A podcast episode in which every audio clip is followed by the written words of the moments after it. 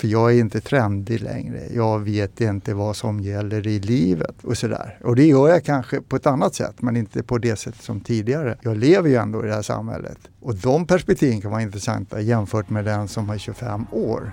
Men det är där det händer.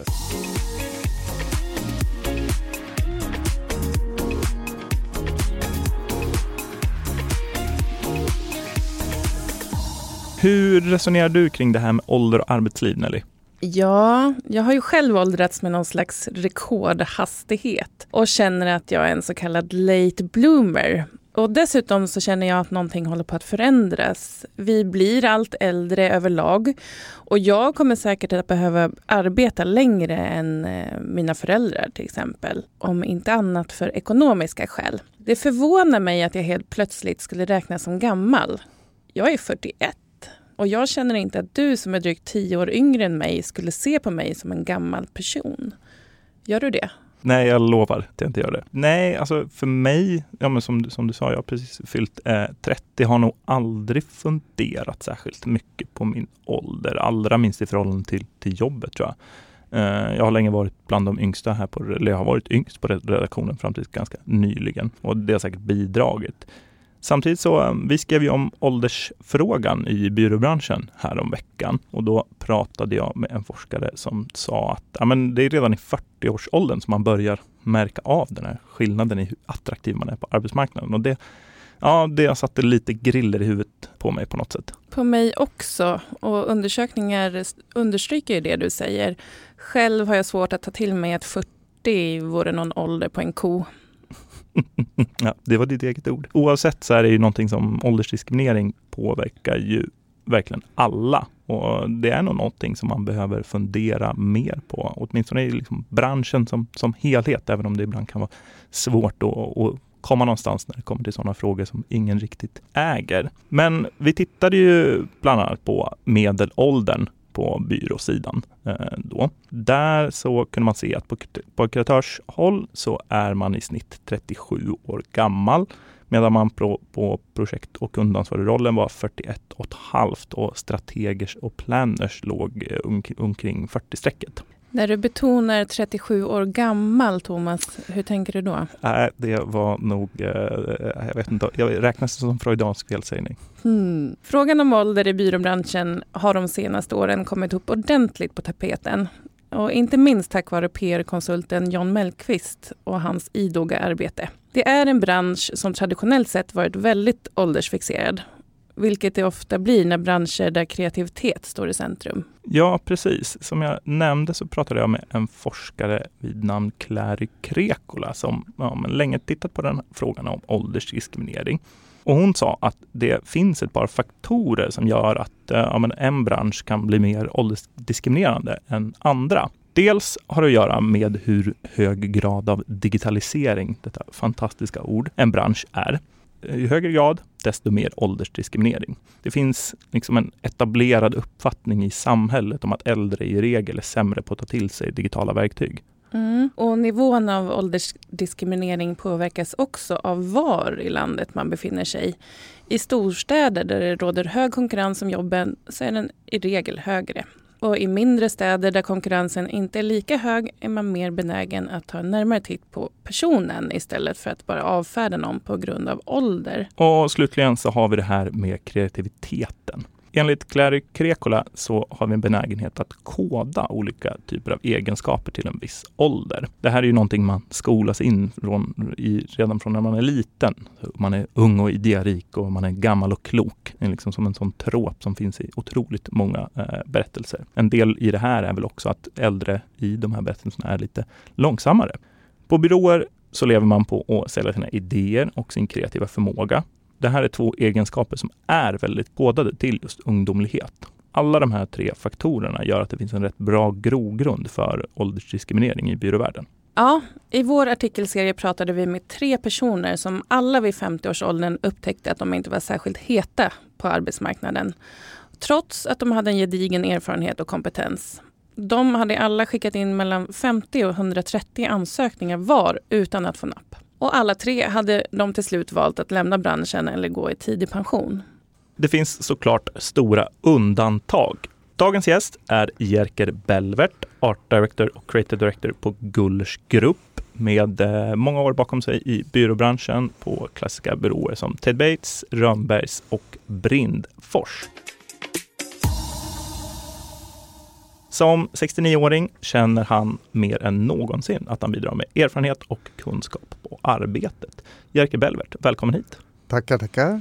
Du har ju fyllt 69 och har ju rätt ja. att gå i pension sedan ett gäng år tillbaka. Men du har inte valt att göra det. Varför då?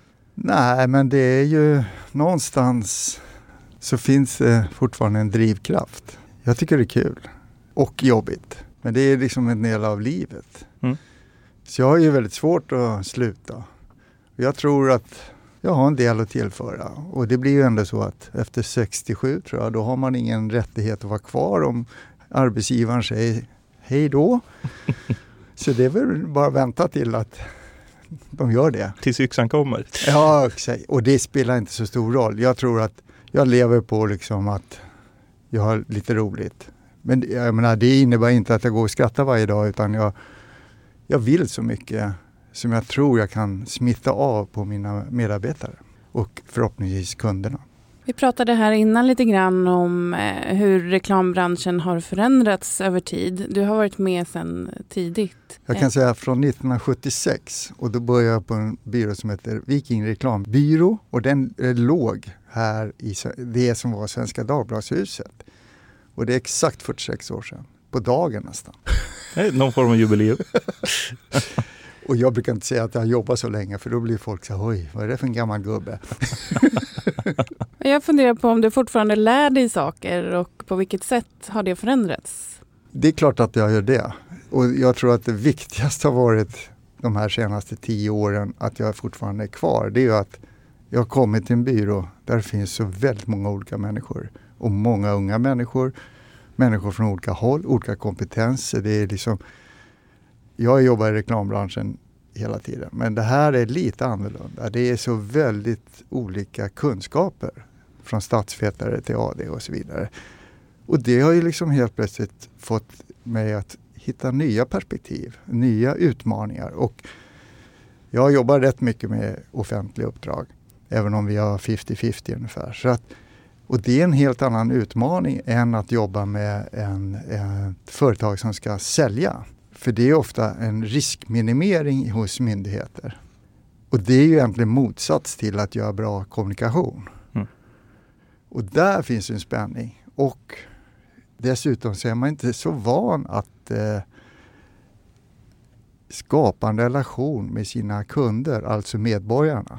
Utan man är mer information, information istället för kommunikation. Och här finns lite spännande saker att och, och det tycker man, man blir bättre på att hantera det med lite mer erfarenhet än om man är yngre. Ja, jag då. tror ändå att eh, de här åren har hjälpt mig. För jag, jag menar, jag var ju en jävla spelevink i början och tyckte jag kunde allting och har massa roliga idéer. Och det finns ju sådana människor på vår byrå också nu och det, det måste man ju ta vara på. Men i kombination med att man skapar den här övergripande berättelsen, den övergripande riktningen, som kan få de här roliga och bra idéerna att hänga ihop som en kedjereaktion.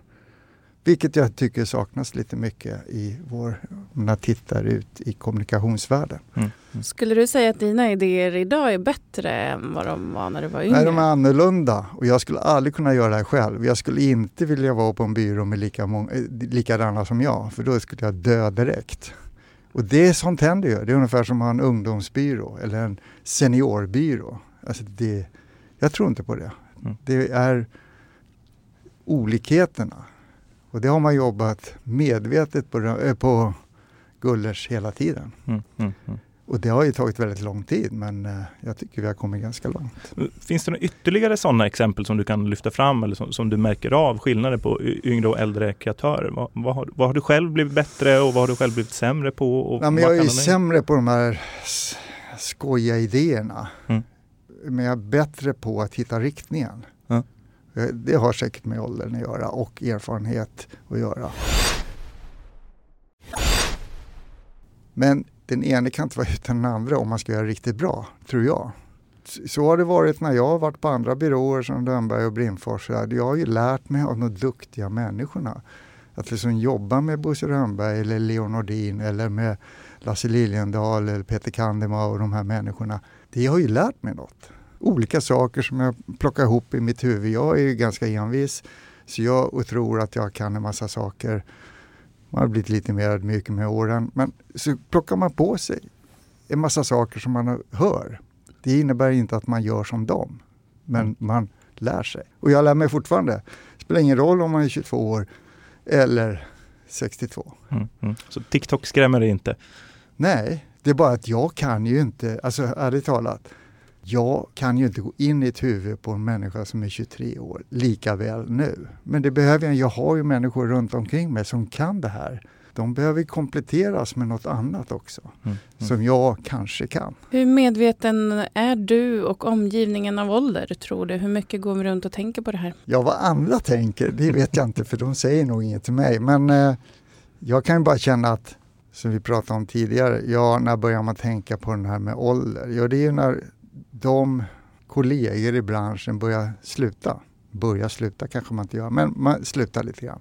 Och tycker det, man är färdig. Till sist så är man ju ganska ensam i den här kategorin. Mm. Då kan man ju fundera på, ja, har du dåligt omdöme eller liksom, har du taskig självbild eller vad är det som händer? Men jag tror att det handlar om person. Mm. Mm. Alltså, har, tappar man drivkraften, då slutar jag den dagen slutar jag direkt. Mm. För men, då har jag ingenting att ge. Men när blev du medveten om att de började droppa av runt omkring dig? Ja, men det var faktiskt redan från millenniumskiftet när liksom tekniken tog en ganska stor del av det här jobbet.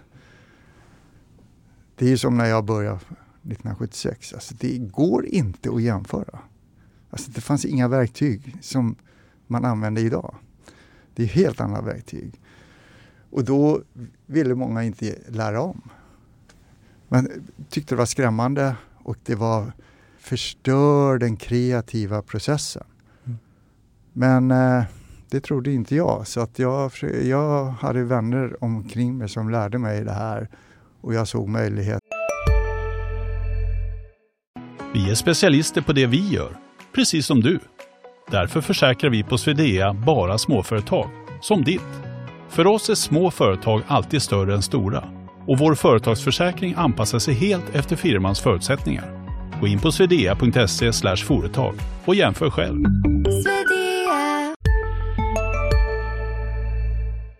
Den, någonstans i grunden så är det ju mitt huvud som ska fungera. Och jag tycker många av dem som jag kände slutade alldeles för tidigt, för de har bra huvud. Jag såg en artikel ni hade om att många i 40-45 årsåldern byter till köparsidan kan mm, man säga. Mm, mm. Och det är ju faktiskt lite dränerande av kunskap. Det är väl bägge parters problem, alltså branschens och enskilda människor. Mm. Att man inte känner att man har något att ge och det känns lite konstigt tycker jag. Mm, mm, mm. vi, vi, har nämnt här inledningsvis lite grann att ja, men, byråbranschen har ganska goda inom sina citationstecken förutsättningar för, för åldersdiskriminering. Det är, det är en bransch som är storstadscentrerad. Väldigt mycket av jobben finns här i Stockholm. Det är väldigt hög konkurrens om jobben, hög digitalisering bland annat. Finns det något annat sätt som du skulle säga att du har märkt att branschen är hård mot äldre? Eller håller du med om det? Ja, inte riktigt. Alltså det är ju lätt, det är lätt att sitta och säga att jag är så gammal, jag får inga jobb. Och det är en del som hamnar där.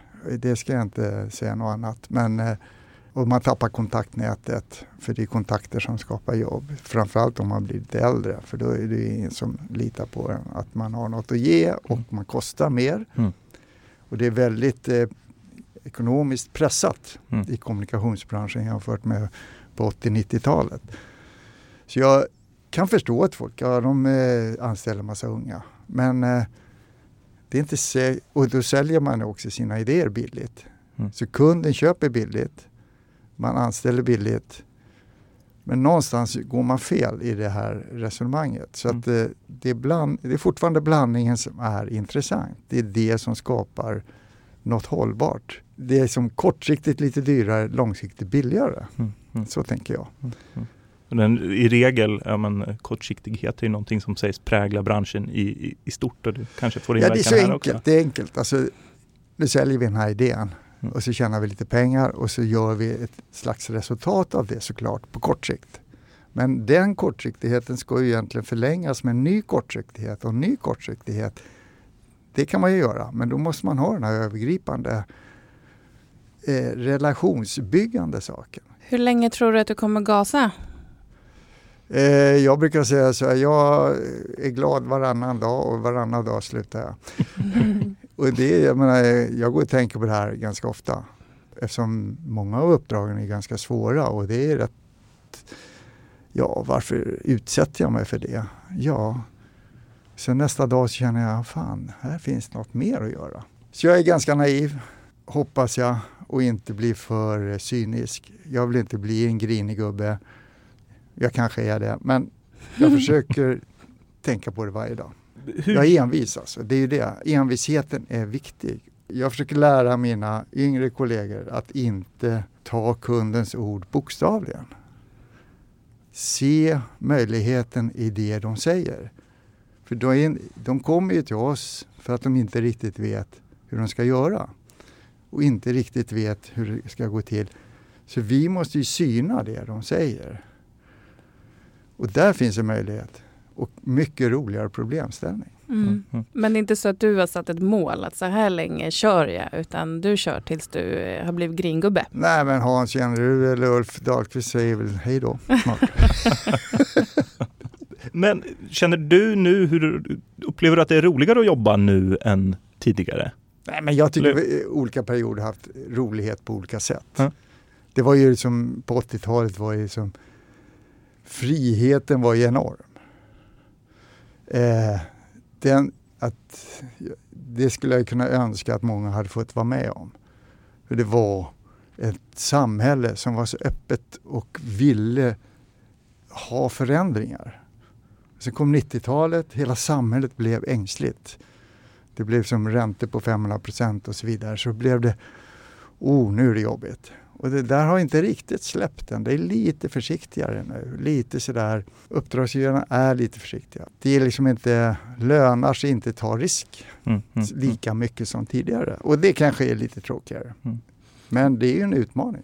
Känner du att du har blivit bättre på att hantera den typen av situationer och guida dem till att Ja, och få det- kunderna att och Det vilja ta skulle de här man ju riskerna? vilja svara ja på. Eh, jag tror det ibland. Ibland så vill jag inte höra vad de säger. För då hamnar jag i en ond cirkel tycker jag. Att, alltså, men då finns det andra på byrån som är bra på det. Jag hade inte överlevt utan dem.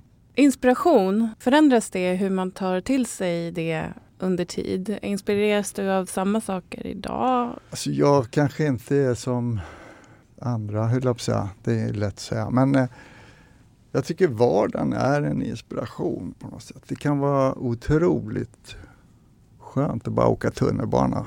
Eller göra vardagliga saker för de leder någonstans. De kan man plocka in i ett ovanligt situation.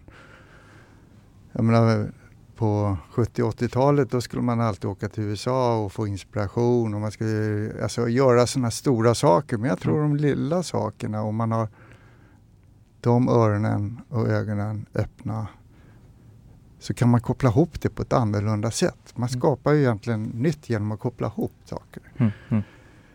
Det har funkat för mig och det funkar fortfarande men på ett annat sätt såklart eftersom jag är i en annan värld nu än för 40 år sedan. Du har ju varit lite inne på att den här diskussionen, och det, det håller jag med om, att det finns en risk för att ja, men, eh, det blir lite gnälligt från, från de som är ja, men, lite äldre i branschen och att till och med det kan, jag- kan jag känna att man, man nästan ibland, man ska inte se på som ett, som ett offer eh, på något sätt. Alltså det, det, det, det är personer som är, som är kompetenta och har erfarenhet och, och så vidare och så vidare och har, har en egen, har egen liksom agens. Men, men vad menar du där med att just ja, men att diskussionen kan bli lite gnällig ibland? Jo, men det är ju som att säga, ja, vi är den enda gruppen som inte får någon chans. Nej, det är faktiskt väldigt många andra grupper som inte får den chansen de borde. Du kan ta kvinnor, Mm. du kan ta utlandsfödda, du kan ta yngre ibland, för man inte lyssnar på dem på allvar. Varför är det så? Det är ju ganska dåligt. Det innebär ju inte att alla bestämmer om allt. Det handlar bara om att när man lyssnar på alla och så tar man in det och så bearbetar man det. Och då är det lätt för äldre att säga, ja eftersom då är man ju liksom, jag känner ju att ja, man är ju i slutet på resan någonstans. Och då kan man ju känna att man är liksom isidosatt. För jag är inte trendig längre. Jag vet inte vad som gäller i livet. Och, sådär. och det gör jag kanske på ett annat sätt, men inte på det sätt som tidigare. Jag lever ju ändå i det här samhället. Och de perspektiven kan vara intressanta jämfört med den som har 25 år. Och det är där det händer. Eller var en människa som aldrig jobbar med kommunikation som kommer från Finansdepartementet och har en massa idéer. Man blir så förvånat glad över att få ihop det här. Mm. Mm.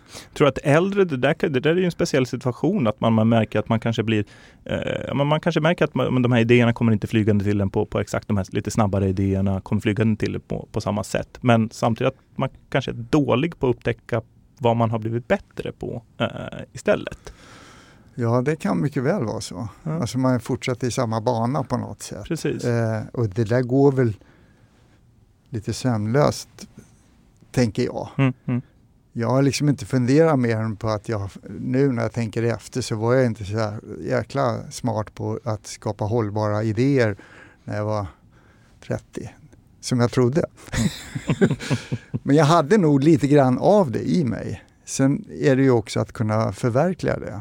Men då fanns det ju andra människor runt omkring som kunde det. Och sen har det liksom vänt lite grann. Det ena är inte bättre än det andra. Det är det som är också sådär. Så det blir lätt att eh, ja, ni är inte så mycket värda och ni är mm. mer värda.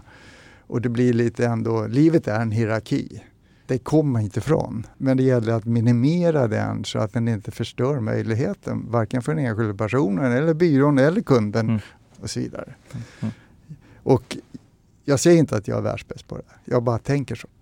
Men vilket förhållande har du till att åldras och att bli äldre? Är det, är det läskigt eller eh, är, det är du trygg väldigt i det? läskigt. Det jag läskigt. har med många år i den här branschen så var jag alltid yngst. Och sen så trodde jag att jag alltid var yngst. Alltså sådär mentalt. Mm. Och så helt plötsligt var jag äldst. Vad fasen hände? Jag har ju knappt börjat, tänker jag ibland.